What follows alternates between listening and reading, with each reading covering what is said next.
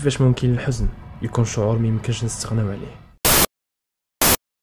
سميتي كاي جاميسون. تزاديت في واشنطن وكنت أنا الطفله المحبوبه عند والديا الوالد ديالي كان عالم رياضيات وكان طيار. والمدرسة الابتدائية اللي قريت فيها كانت قريبة لمركز الطيران اللي كان فيه الوالد. لهذا فمن الصغر كانت عندي علاقة حميميه بالسماء حيت كنت كنشوف العالم من خلالها. ومن خلال الطيارات اللي كانوا كيدوروا فوق راسنا. لكن واحد النهار هاد النعمة غتولي نقمة. حيت وحدة من دوك الطيارات هبطت بسرعة جهة الساحة فين كنا كنلعبوا ودخلت في واحد الشجرة وتفرقعت قدام عينينا. الطيار اللي كان صايق خلى رسالة قال فيها باللي كان بإمكانه يتلح بالباراشيت ويعتق راسو. لكن في هذه الحالة الطيارة غطيح على الأطفال وغتقتلهم. وهذه كانت أسوأ حادثة في طفولتي. بعد أيام الطفولة جات أيام المراهقة اللي لقيت فيها الشغف ديالي بالعلوم والطب.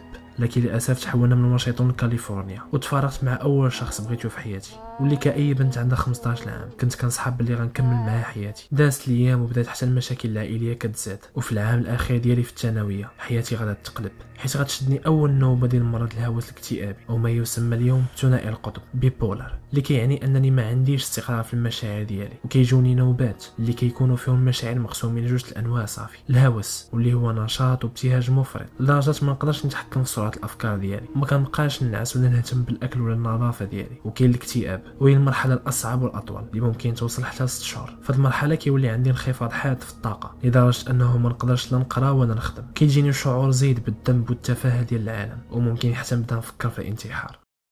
هذا المرض خلى حياتي ما تبقاش سهلة ومن هنا كان عندي الاختيار بين الحياة السهلة اللي كيعيشها أكثرية الناس وبين الحياة اللي فيها معاناة وتحديات لكن في نفس الوقت عندها معنى كبير. فقررت نعيش التحديات وما نستسلمش للمرض ديالي. فدخلت لجامعة كاليفورنيا قسم الدراسات الطبية واستمرت نوبات الهوس والاكتئاب كيجوني. وفي واحد المرة مشيت للعيادة النفسية ديال الكلية لكن الخوف غلبني وما قدرتش ندخل. في واحد المرة كنت حاضر لواحد المادة في علم النفس ففرق علينا البروفيسور رسومات ديال اختبار روشاخ اللي هو عبارة على صور مرسومة كل واحد كيشوفها بطريقته. من خلال وصف الشخص لهاد الصور كنقدروا نلمسوا بزاف على حالته النفسية واسرار شخصيته. مني رجعنا لاجابه البروفيسور لاحظ بلي كاينة واحد الإجابة غريبة من بين كاع الإجابات. وهاد الإجابة كانت ديالي. مني خرجت وتلاقيت بالبروفيسور كنت متوقع بلي يقول لي هاد الإجابات شادة. وكتعكس شي اضطراب نفسي عندك. لكن صدمني. وقال بلي الإجابة ديالي كان فيها إبداع وخيال كبير. من بعد هادشي قررت نكمل الدكتوراه ديالي في علم النفس عوض الطب. وحسيت بلي الحالة ديالي استقرت نوعا ما. فتزوجت بفنان فرنسي. كنت تلاقيته في أحد الحفلات. كنا مختلفين. لكن بغينا بعضياتنا بزاف. ودوزت معاه أحسن أيام حياتي. واخا كنت مزوجة قدرت نكمل حتى الدكتوراه ديالي. وليت أستاذة مساعدة في جامعة كاليفورنيا. ومن بعد مدة طويلة ديال الاستقرار النفسي رجعت نوبة الهوس والاكتئاب عاوتاني حيت كنت رافضة ناخذ العلاج. وهادشي تسبب في أنني تفارقت مع الزوج ديالي وغرقت في الديون. لهذا اضطريت أنني نمشي نتعالج عند طبيب نفسي وهادشي خلاني نتحول من طبيبة لمريضة. من بعد ما خديت الدواء حسيت بلي حالتي استقرت نوعا ما لكن لاحظت بلي الإنتاجية ديالي تراجعت مقارنة بالأيام اللي كنت كنعاني فيها من موجات هوس متوسط. فزاد اهتمامي بهذا المرض وحليت عيادة وعاونت آلاف الناس اللي كيعانيوا منه.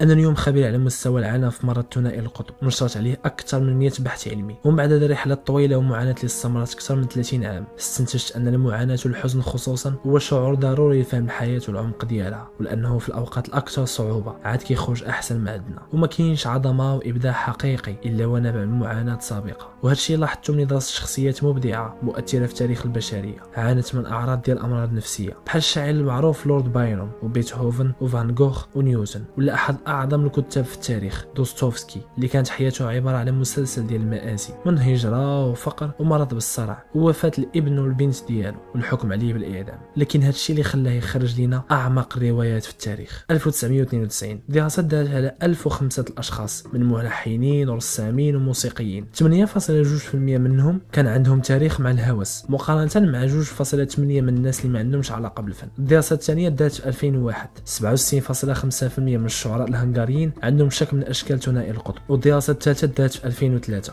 28.5% من 40 موسيقي ديال الجاز كان عندهم شكل من أشكال ثنائي القطب. وقبل مني في السبعينات أستاذة علم الأعصاب والطب النفسي نانسي أندريسن دارت دراسة على 30 كاتب مشهور. فلقات بلي 80% منهم كانت عنده على الأقل نوبة واحدة ديال الاكتئاب والهوس. نانسي تبعت حياة هاد الكتاب لمدة 15 سنه ولقات بلي 43% منهم عندهم ثنائي القطب. إضافة للكتاب المعروف جنون من طراز رفيع لعالم النفس ناصر غيمي سنة 2011 اللي شاف أن الأمم في أكثر الأوقات العصيبة والأزمات كتحتاج ناس ماشي عاديين ولكن ناس عندهم أمزجة مختلطة ما بين الهوس والاكتئاب حيث هي اللي كتخليهم يخرجوا بحلول وأفكار غير عادية. ودرس الشخصيات اللي كانت كتاخذ القيادة في العالم واللي غيراته واللي عانت من الاضطرابات النفسية. ومنهم تشرشل أبراهيم لينكولن روزفلت غاندي مارتن لوثر وجون كينيدي. ووضح باللي كاين بزاف ديال الأسرار في هذا الشيء منها مثلا أن الاكتئاب كيخليك أكثر واقعية وفهم حقيقي بخطورات العالم. ولا خدينا مثال ديال تشرشل غنفهمو مزيان بما أنه كان من الأوائل اللي كيحذر الناس من حركة النازية وهتلر لأنه كان أكثر واقعيه وحذر منه. النقطة الثانية هو أن الشخص اللي دوز اكتئاب هو أكثر شخص يقدر يتعاطف مع الآخرين ويفرض على الناس بالتالي أنهم يقدروه ويحترموه. وهنا غنعطيو مثال بغاندي. وأخيرا أشار أن هذه المراحل ديال الهوس والاكتئاب كيعطيو المرونه والابداع بحال معظم الفنانين.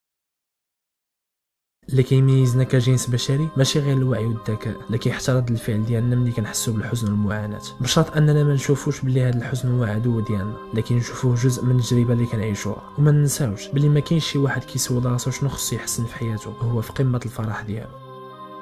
اللي بغى أحد أروع الكتب ديال جاي كاميسون تاتشد ويد فاير يخلي تعليق كيقول فيه بغيت الكتاب وأنا غنعزل واحد فيكم عشوائيا. شكرا.